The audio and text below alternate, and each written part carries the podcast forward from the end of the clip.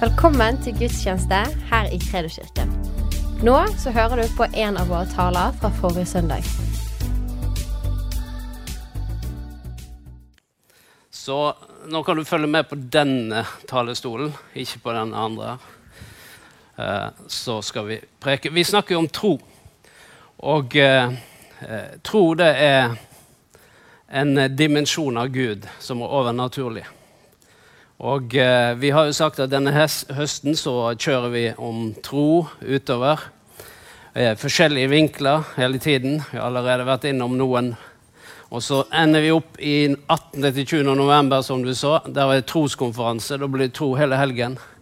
Slik at vi bare eh, får liksom feire denne høstens eh, tema da i eh, november. Og det blir veldig bra. Og jeg tror at det utover denne høsten skal bli mer og mer oppbygd, mer og mer eh, istandsatt i forhold til å leve dette livet som Gud har gitt oss, troens liv i hverdagen, i samfunnet. Og det er jo spennende saker. Eh, vi Ja, nei, vi har ikke tid til det nå. Vi går rett på. Så jeg har Tittelen i dag er 'Hva utvikler tro'. Det er tittelen. Det er jo interessant. Hva er det som utvikler tro? Eh, og Vi kommer ikke til å rekke innom alt nå, men vi kommer til å ta noe eh, grunnleggende. Og eh, det, er flere som kommer til å gå på videre her. Men eh, det står i Romerbrevet 1,17 at eh, den rettferdige skal leve ved tro. Det står at det er av tro og til tro. Den rettferdige skal leve ved tro. Det betyr at eh, vi kommer ikke utenom tro. Og eh, det som begynte med tro, det skal fortsette med tro. Det er ikke sånn at du begynner med tro, og så skal du fortsette i egen kraft. Det er ikke sånn at du skal begynne med tro, og så skal du fortsette med dine egne tanker og filosofier. Nei, når du begynner i tro, så skal du fortsette i tro. Og det er troen på Gud, troen på hvem Han er, og hva som er mulig for den som tror. Og eh, vi begynner nå i Romerbrevet 10, vers 17. Der står det en kort beskrivelse. Det henger sammen med, med resten av det kapittelet. Eh, Men vi kommer litt tilbake til det seinere. Så vi begynner bare med vers 17 i Romerbrevet 10.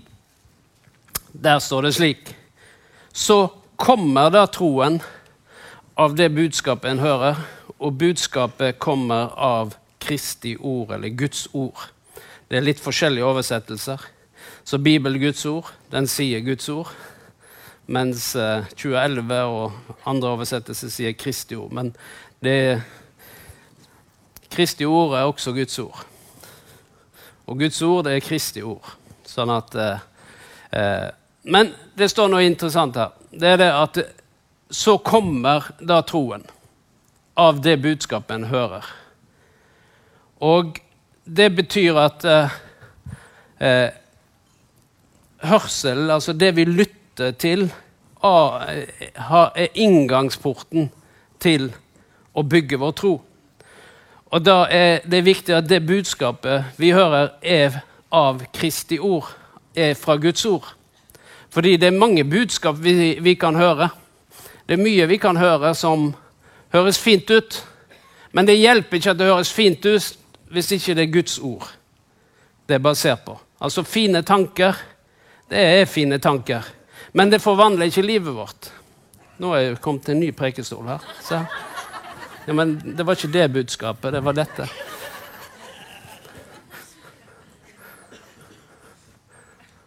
Men Guds ord, det er Guds ord. Og fine tanker, det kan, det kan være nydelig, det. Men det er det at når det vi underviser, eller det vi hører, har sitt utgangspunkt i Guds ords åpenbaring, så treffer det ikke bare hodet, det går inn i hjertet. Det går inn i vårt indre menneske. Og Derfor så står det her at så kommer da troen av budskapet en hører, og budskapet en hører, kommer av Guds ord. Og Derfor så er det denne forkynnelsen som har tro og åpenbaring i seg, den treffer oss på en annen måte. Det betyr at vi trenger å høre forkynnelse. Det er det ene. For det første så må vi utsette oss selv for forkynnelse. Vi kan unngå forkynnelse. Vi kan unngå å høre. Vi kan holde oss borte fra der Guds ords undervisning forkynnes. Det kan vi jo velge. Vi kan velge å ikke høre på noen andre enn oss selv. Men derfor så må vi utsette oss selv, dvs. Si at vi må oppsøke Guds ords forkynnelse, slik at vi kan høre.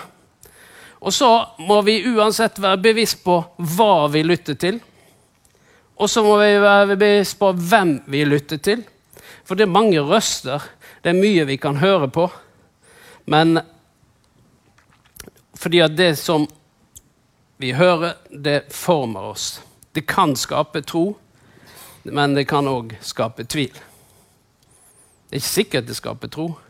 Kanskje det produserer tvil. Og En venn av meg han sa det at han hadde en professor i teologi. Han sa at han underviste med drepende nøyaktighet, sa han. Og så lurte jeg på hva det betydde. Nei, det var sånn at det var nesten ingen som beholdt troen etter han var ferdig. Så han kalte det drepende nøyaktighet.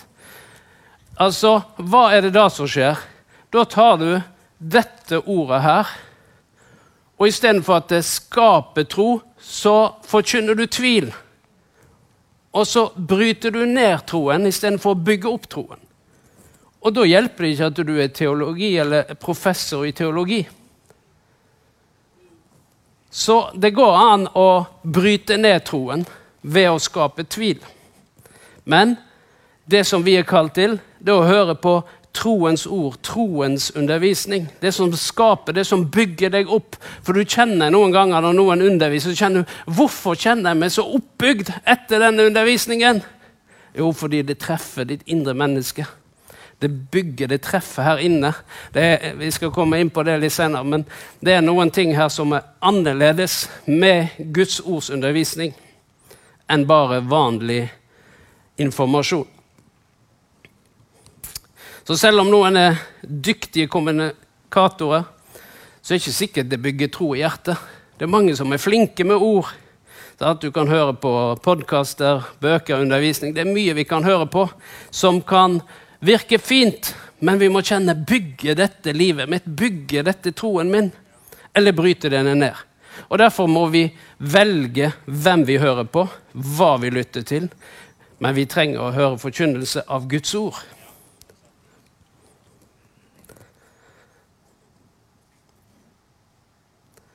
Og så er et lite spørsmål her. Det er hvor mye tid skal en bruke på Guds ord? Eh, det som er viktig, det er at det gir deg åpenbaring. Det er at du jobber med ordet, slik at du lærer ut av det. Fordi eh, kan, du kan godt lese Bibelen igjennom på 365 dager. Og så kan du si, 'Herre, se hvor flink jeg har vært.' Og så spør Herren, 'Ja, hvilken åpenbaring har du fått?' Og så sier du, 'Nei, målet var å komme igjennom'. Så derfor så må Det er fint å lese gjennom Bibelen, men vi må ha et annet mål. Det er at Gud åpenbarer ditt ord for meg, slik at jeg forstår det som jeg leser.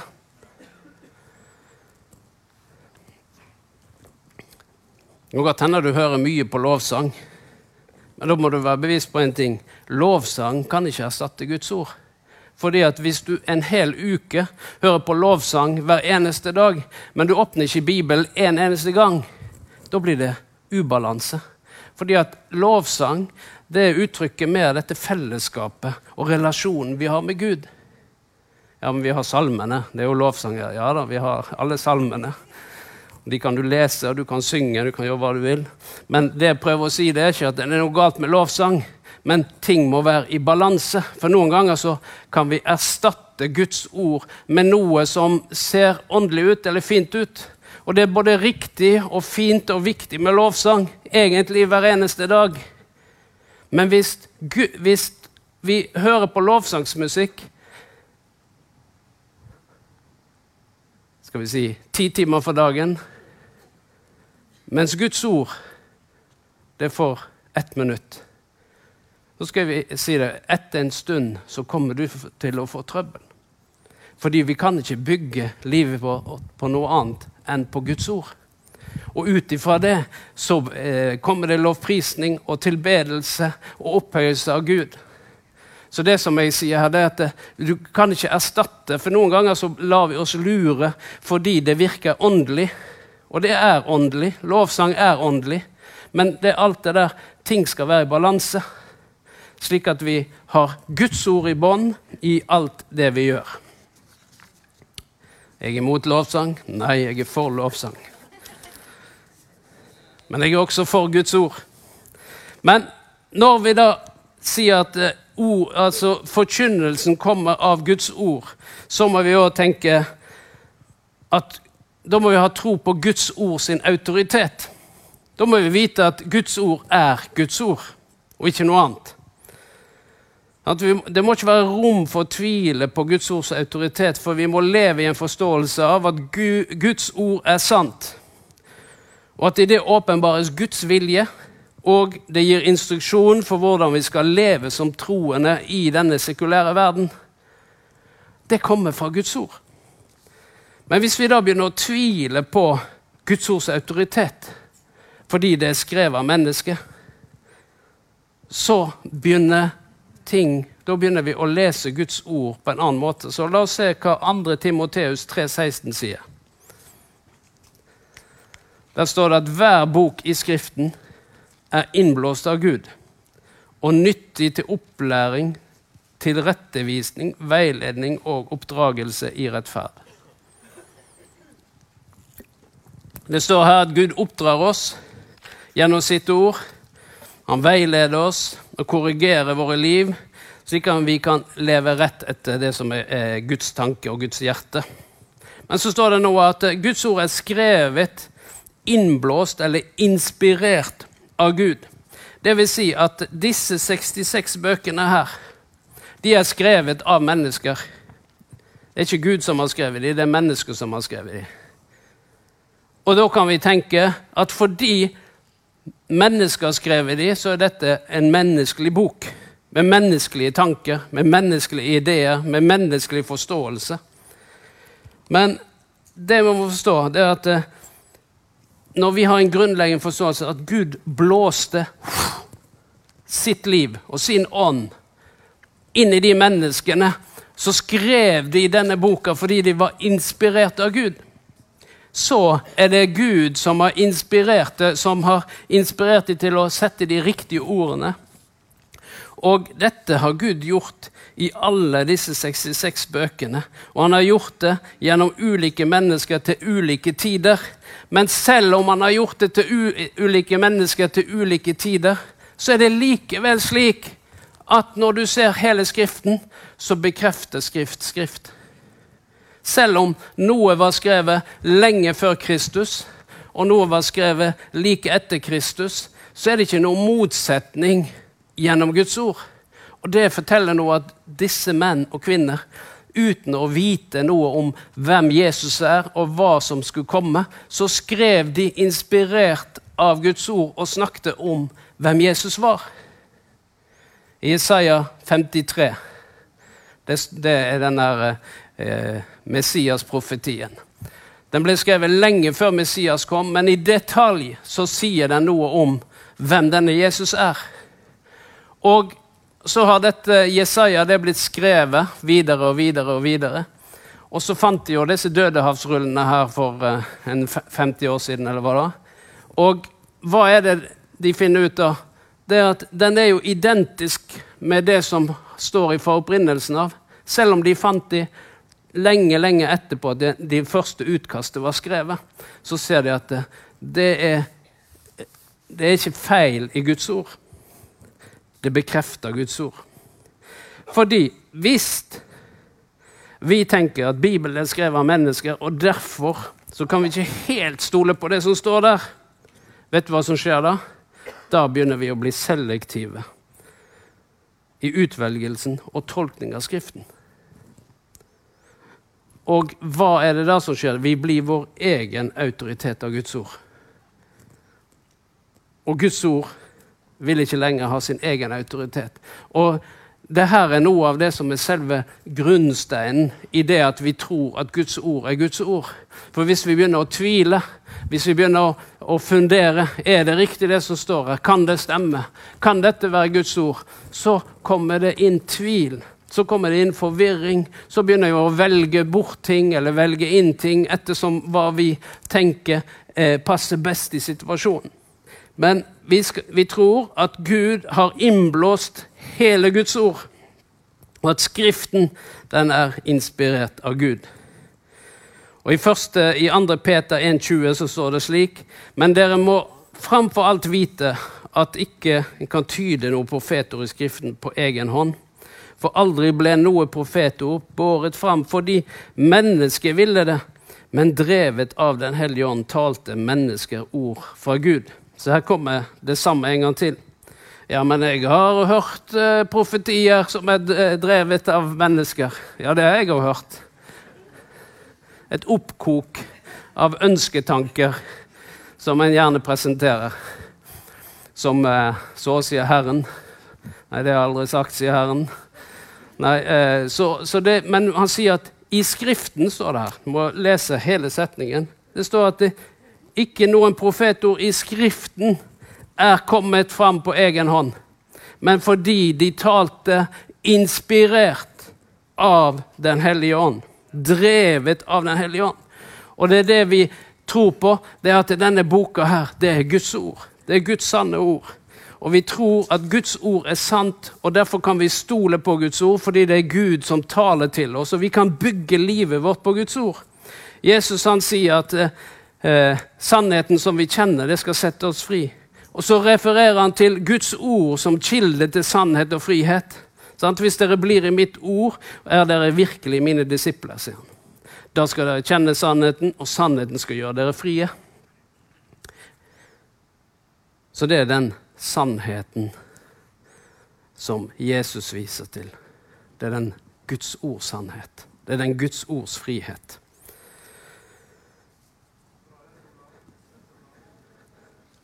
Takk. Det er i hvert fall viktig. Det grunnleggende er viktig.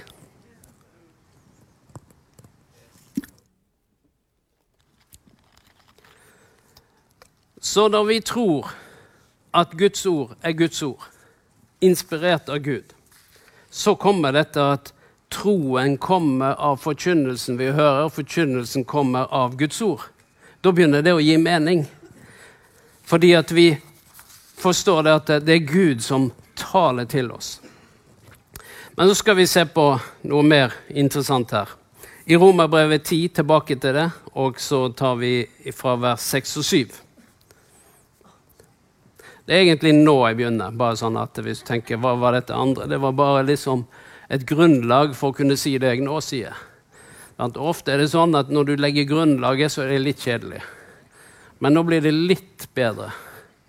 Og så etter det så blir det enda litt bedre. ok? Så du må bare henge med nå. Men nå er vi enige om én en ting. Det er at Guds ord er inspirert av Gud. Hvis ikke du er enig, så ikke si det. For nå er det jeg som mikken.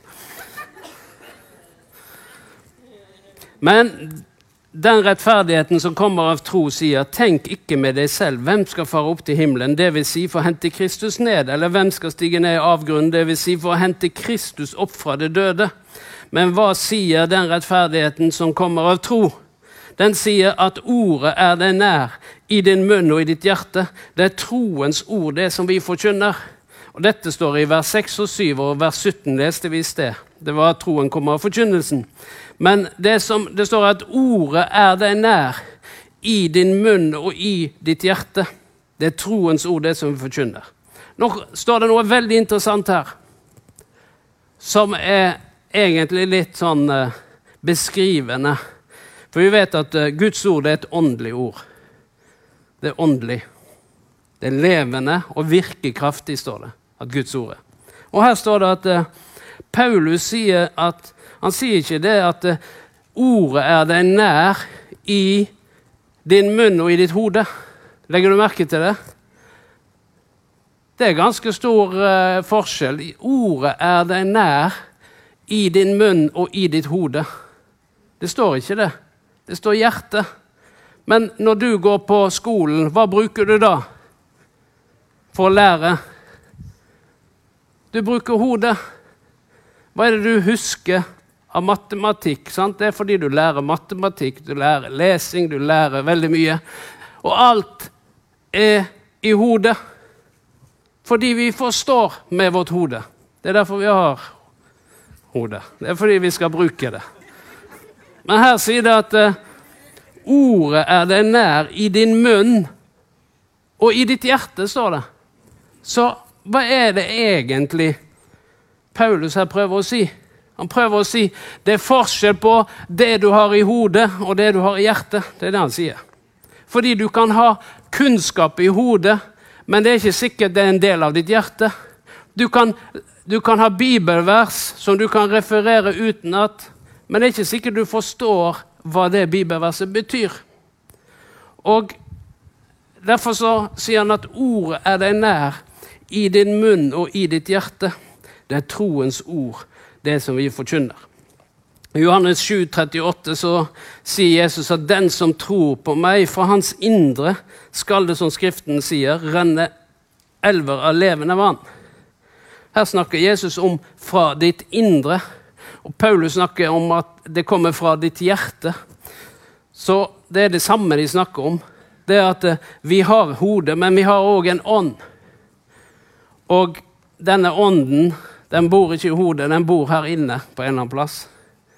Jeg vet ikke akkurat hvor, men noen ganger så kan du kjenne ting i følelsene. Du kan kjenne ting. Når Gud er nær, så kjenner du det liksom noen ganger på hele kroppen, men andre ganger så bare kjenner du det i ditt indre. En eller annen plass i ditt indre.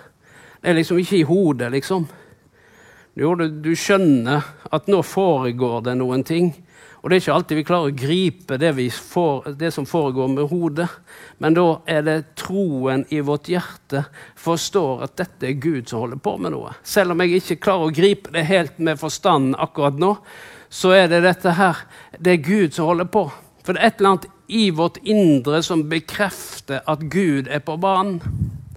Det er derfor vi noen ganger når vi tilber, plutselig så kjenner vi Oi, hva er dette for noe? Jo, det er fordi at Gud kommer nær.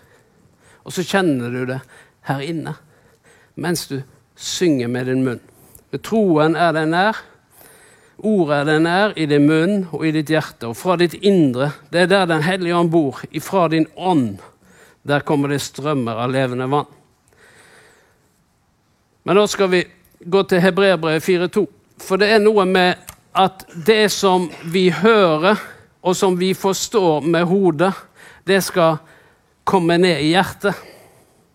Det å meditere på Guds ord, det å lese Guds ord, det å, å se eh, Jeg satt på bibelskole i Sverige, og eh, det var undervisning om rettferdighet. Jeg trodde jeg, for jeg hadde lest om rettferdighet, jeg trodde jeg hadde skjønt rettferdighet. Og det var time nummer én, time nummer to, eller dag nummer én og dag nummer to og dag nummer tre. Og det var mye ord, og jeg forsto det ikke. Jeg trodde jeg forsto det, men jeg skjønte at ja, men jeg forstår det ikke. Fordi jeg var jo full av fordømmelse. Mitt kristent liv det var som en berg-og-dal-bane. Det gikk opp og ned, og noen ganger så gikk det helt i surr. Men sånn var mitt kristenliv. For jeg hadde ikke skjønt at jeg var en ny skapning. Jo, jeg hørte at det var en ny skapning, men jeg hadde ikke skjønt hva det innebærte å være rettferdig for Gud. Så satt jeg der og hørte Guds ord, hørte Guds ord, hørte Guds ord. Men det var folk som underviste, som var full av tro og åpenbaring.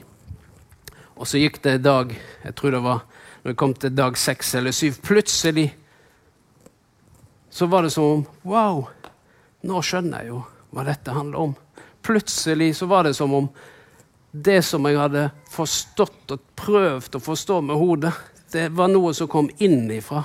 Plutselig så skjønte jeg hvem jeg var. Og, og hva skjedde da? Da forsvant fordømmelsen ut. Berg-og-dal-banelivet forsvant ut. Det var mye andre ting som jeg da plutselig falt på plass. Fordi jeg skjønte at jeg er en nyskapning, jeg er rettferdig og ren og hellig. Jeg kan be og løfte mine hender på en god dag, på en dårlig dag, på hvilken som helst dag. Så er Gud der og tar imot meg. Jeg trenger ikke fortjene å komme til Han, fordi at Jesus Kristi blod renser meg fullstendig. Og pga. det blodet så kan jeg komme til Han akkurat sånn sånn som jeg er. uansett om jeg gjorde noe i går som jeg ikke var stolt av, så kan jeg tilbe Herren i dag. For jeg sier 'tilgi meg, Herre', og så går jeg videre. Jeg blir ikke liggende der i gjørma. Det er ikke vanlig. det. Jeg vet ikke hva du gjør når du snubler. Ja? Ligger du der en ukes tid for å synes synd på deg sjøl? Tenker, tenk at jeg snublet og falt. Ligger der og svømmer i denne gjørma og blir mer og mer skitten. Nei, hva gjør du med en gang du faller? Spesielt hvis du faller midt ned i byen, på Torgallmenningen, i en søleputt. Det er ikke sånn at du da liksom blir liggende der og svømme. Nei, du reiser deg opp, og så ser du var det noen som så meg. Og så går du videre. Det er det som skjer når du en ny skapning. Du reiser deg opp igjen med en gang. Og så går du videre. Det var en annen preken. Den hører til her. Men nå skal vi se. Hebreabrevet 4, vers 2. Nå kommer illustrasjonene. La oss lese det. Men ordet som de hørte for det gode budskapet er forkynt både for oss og dem. Men ordet disse hørte, ble til ingen nytte for dem, fordi de ikke ble ett i troen sammen med den som hørte det.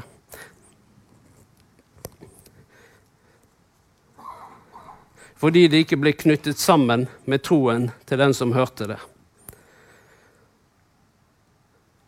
Og dette ordet 'knyttet sammen',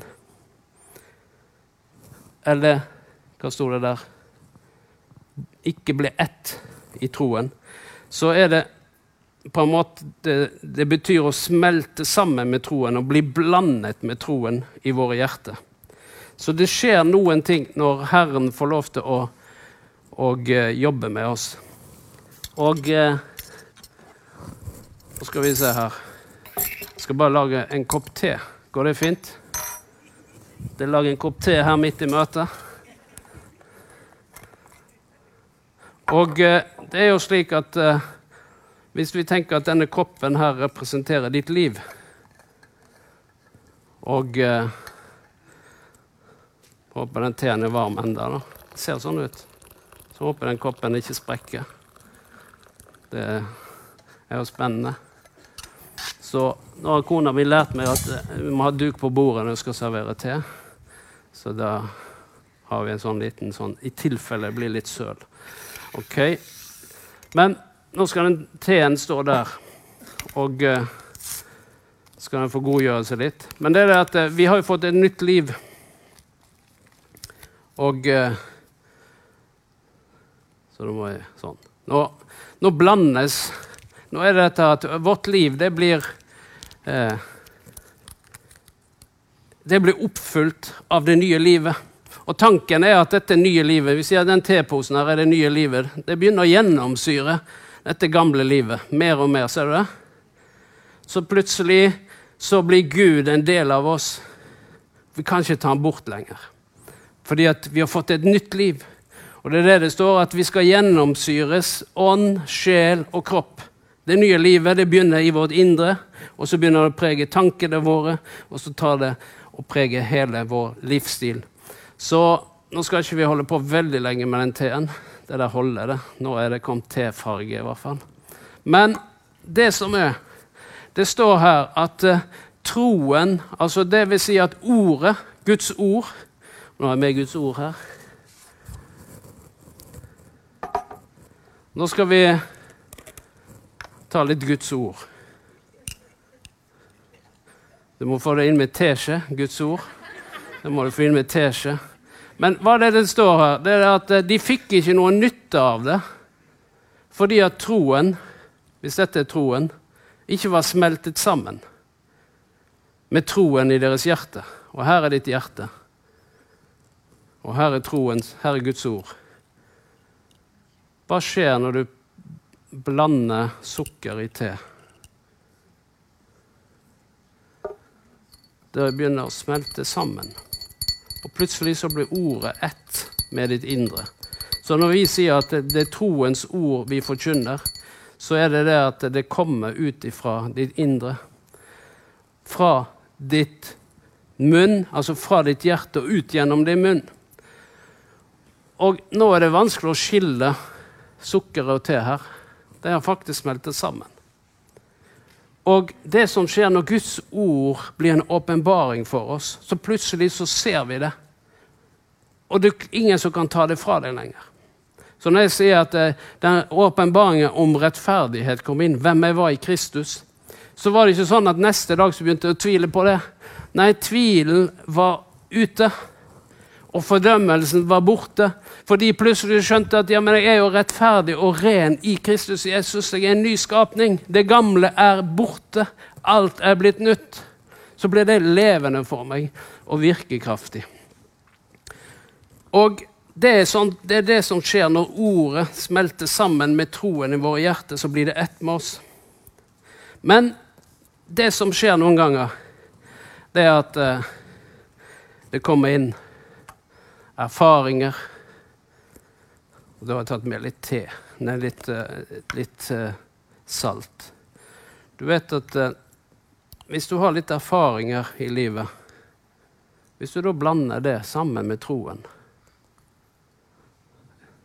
Lars Marte skal drikke dette etterpå.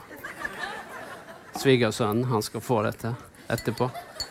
Og han skal preke neste søndag. Og da må han skjønne det at du kan ikke forkynne Guds ord og samtidig blande inn erfaringer.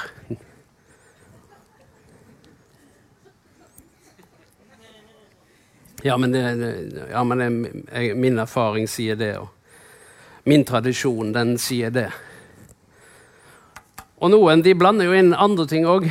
fordi at hva er det som skjer hvis du eh, tar, eh, tar tvil, f.eks.? Nå jeg med litt eddik. Det blir jo som eddik, så det blir jo enda bedre.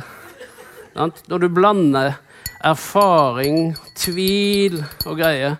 Men det verste av alt, det ser fremdeles ut som te. Men det begynner å smake verre og verre. Så nå har vi litt salt. Troen, troens ord, Guds ord, det driver du og fyller det med. Men så har det kommet litt erfaring og, og hva var det jeg sa her? Litt erfaring og tradisjon er kommet inn. Ja, men vi pleier å gjøre det på denne måten, og vi har alltid gjort det sånn. Og, og dette. Og så han blander det med litt tvil, fordi vi kan ikke være helt sikre på det som Gud sier. Eh, det kan jo være at dette er sånn og sånn. Eh, så, så, plutselig så blir dette her en blanding. Og det er det som ofte gjør at ikke vi ikke får tak i, i Guds åpenbaring. Det er fordi vi blander andre ting inn. Og til slutt så Det ser ut som tro, men det er en salig blanding, for å si det sånn. Og noen ganger så er det sånn at vi, vi blander det med en feil forståelse.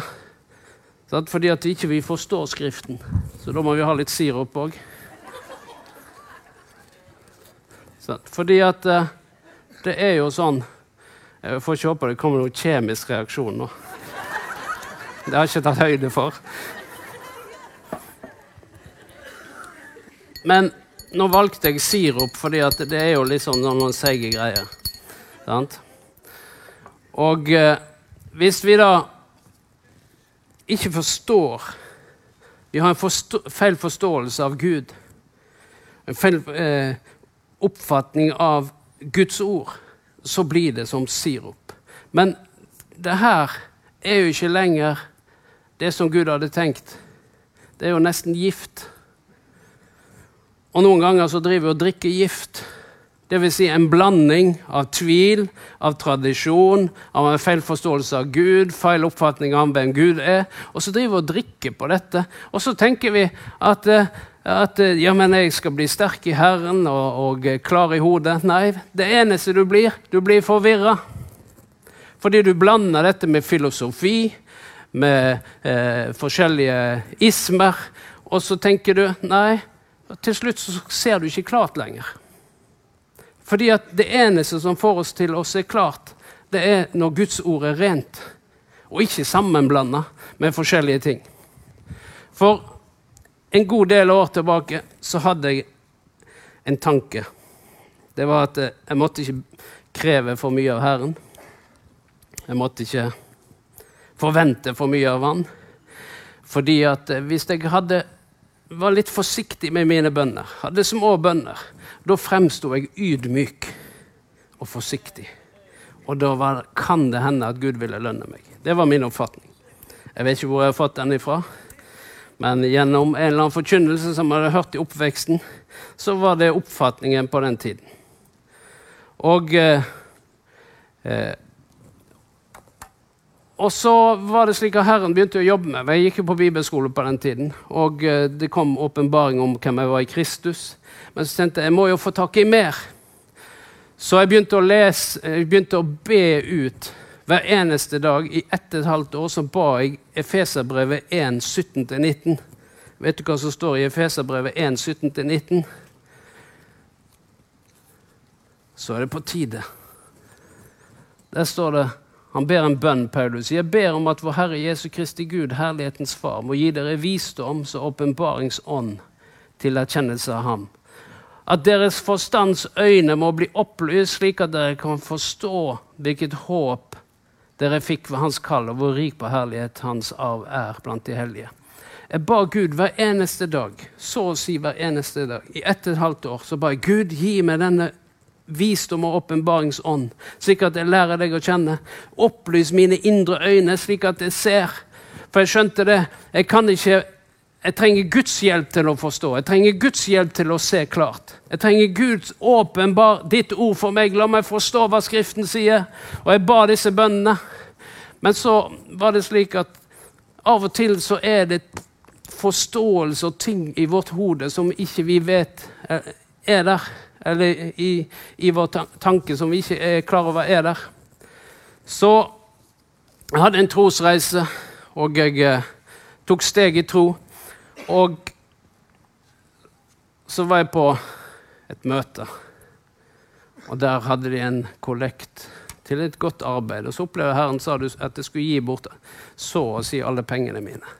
Det var de pengene jeg skulle ha og, og betale husleie og forskjellig sånn hele den sommeren, for jeg var vekke fra Sverige da. Og så skjønte jeg jo det når jeg kom tilbake til Norge, at nå har du ingen penger. Så jeg måtte be Herre, jeg ber deg om penger. Men så regna jeg ut hvor mye jeg trengte, og eh, da var summen 5000 kroner. I 1987 var 5000 en god del. Men så jeg ba om 5000. Men jeg skulle være på team hele sommeren, hadde ingen inntekt. Så det her var en reise i tro. Så jeg ba, Og så begynte jeg å be. Men så var det sånn at eh, det kom en stemme, og jeg vet ikke hvor den kom ifra. Men det var jo en spesiell stemme da, som sa det at eh, hvis du trenger 5000, så må du be om tre. Ok. Jeg var helt, til slutt var jeg helt overbevist om at hvis jeg ba om 5000, så var det hovmod. Fordi at eh, hvis du faktisk ba om det du trengte av Gud, så kommer han til å straffe deg ved å gi deg litt mindre. Men hvis du da var litt ydmyk og ba om mindre, så kanskje han kommer til å belønne deg med litt mer. Jeg vet ikke hvor de tankene kom, men det høres ut som et eller annet religiøst sammenblanding som en frivillig skal få drikke her etter møtet. Så jeg eh, satt og, og og tilgi meg Gud at jeg ba om 5000. Nå ber jeg om 3000 isteden.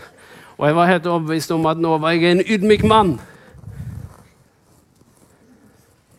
Og så gikk det noen dager, og så skjønte jeg det at det, ja, men det er jo ikke 3000 du trenger, du trenger jo fem.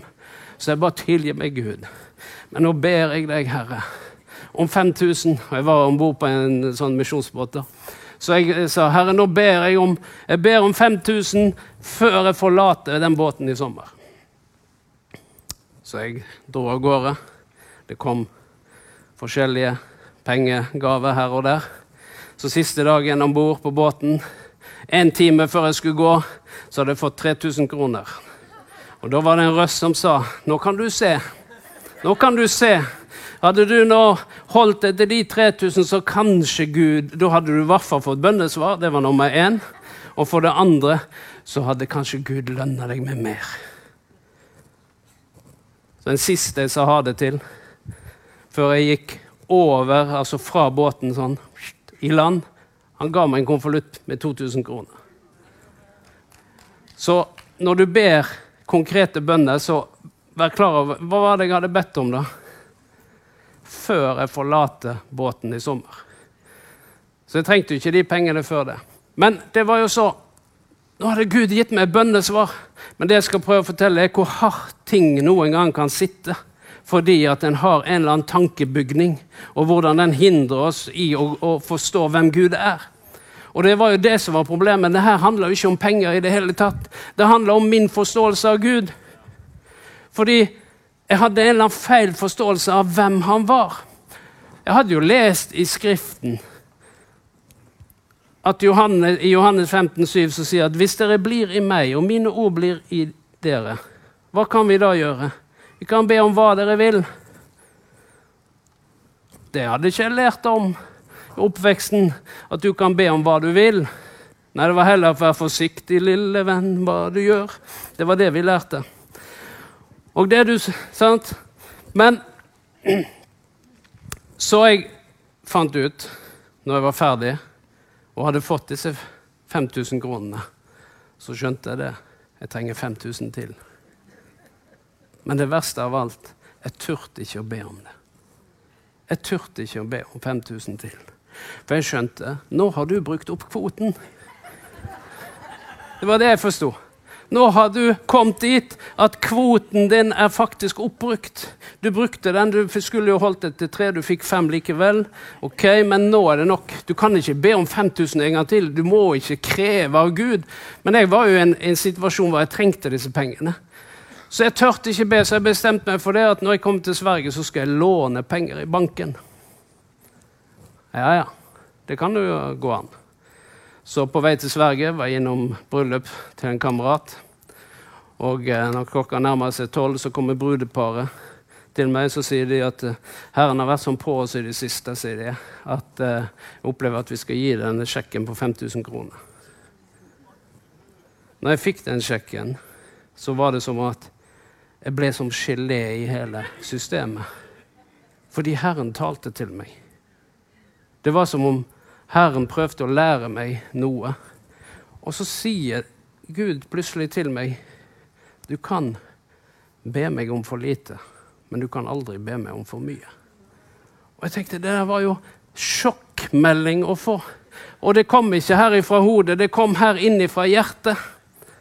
Og Det er derfor jeg sier det er forskjell på det som kommer fra hjertet, for plutselig skjønte jeg at det var Gud som talte ved Den hellige ånd. Så han sier, Og det krasjer jo totalt med alle religiøse tankeganger jeg hadde hørt noen gang. Så opplever jeg det. Du kan, Og så sier jo Skriften du kan be om hva du vil. Det står alt er mulig for den som tror.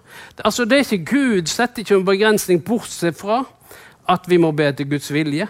At ikke vi skal sløse det bort. At ikke, altså, at ikke det er fordi at vi rent kjødelig ønsker å, å, å bruke det på oss selv. Så, så, det er jo visse begrensninger, men det, det, er ikke det vi snakker om nå. Nå er det å sprenge tankegangen på hvem vår Gud er.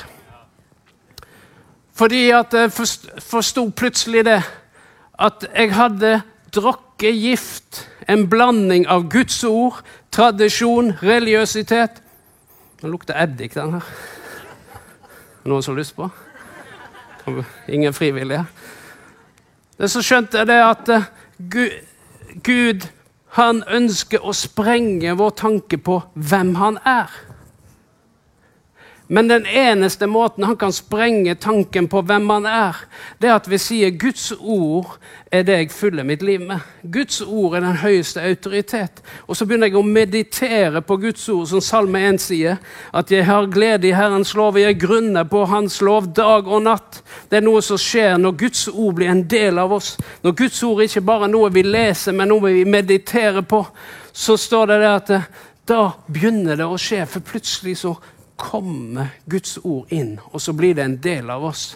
Og så skjønner vi at det er åpenbaring i Skriften. Så jeg tror at Gud utover denne høsten her, så vil han hjelpe oss til å sprenge barrierer, sprenge tanker i forhold til hvem han er. Fordi at vi har plassert Gud ned på et menneskelig nivå, og så prøver vi å tolke han ut ifra en menneskelig forståelse. Men det går ikke. Fordi at han kan bare ses i samsvar med Guds ord. Og Derfor så vil Guds ord hjelpe oss til å forstå hvem han er. Så yes. Salig er de som ikke følger lovløses råd, ikke går på synderes vei, og ikke sitter i spotteres sete, men har sin glede i Herrens lov og grunner på Hans lov dag og natt. Han er like et tre plantet ved rennende vann. Det gir frukt i rette tid, og løvet visner ikke, og alt han gjør, skal lykkes vel. Den som grunner på Herrens lov dag og natt, han blir som et tre. Og det er jo det som er Når Guds ord slår røtter i våre liv, så blir vi som et tre. Og hva er det det? Da begynner det å bære frukt. Da begynner det å gi resultat. Da begynner det å skape ting i våre liv. Og det her er en helt annen eh, altså helt, Det kommer en helt annen fra, plass ifra enn bare opp ifra det vi forstår med vårt eh, tanke og sinn. Det kommer åpenbaring fra innsiden. Det står i ordspråkene 29, 18, der står det at uten åpenbaring så fol kommer folket på villspor, står det. Og det er det som faktisk skjer. Vi trenger Guds ords åpenbaring, så at ikke vi skal gå vill. At ikke vi skal ta feil kurs og feil avgjørelser. Så Herren, han hjelper oss. Men nå skal jeg avslutte med det jeg begynte med. Det er at troen kommer av budskapet en hører, og budskapet kommer av Kristi ord. Og Derfor skal Herren hjelpe, hjelpe oss til å få bort tvil, til å få bort tradisjon, til å eh, få bort feil forståelse og tanker om hvem Gud er. Han skal skake det og så skal han hjelpe oss slik at vi er frie mennesker i Herren. At vi er frie i Gud til å følge hans plan og hans vilje og hans hensikt med våre liv. Skal vi reise oss opp?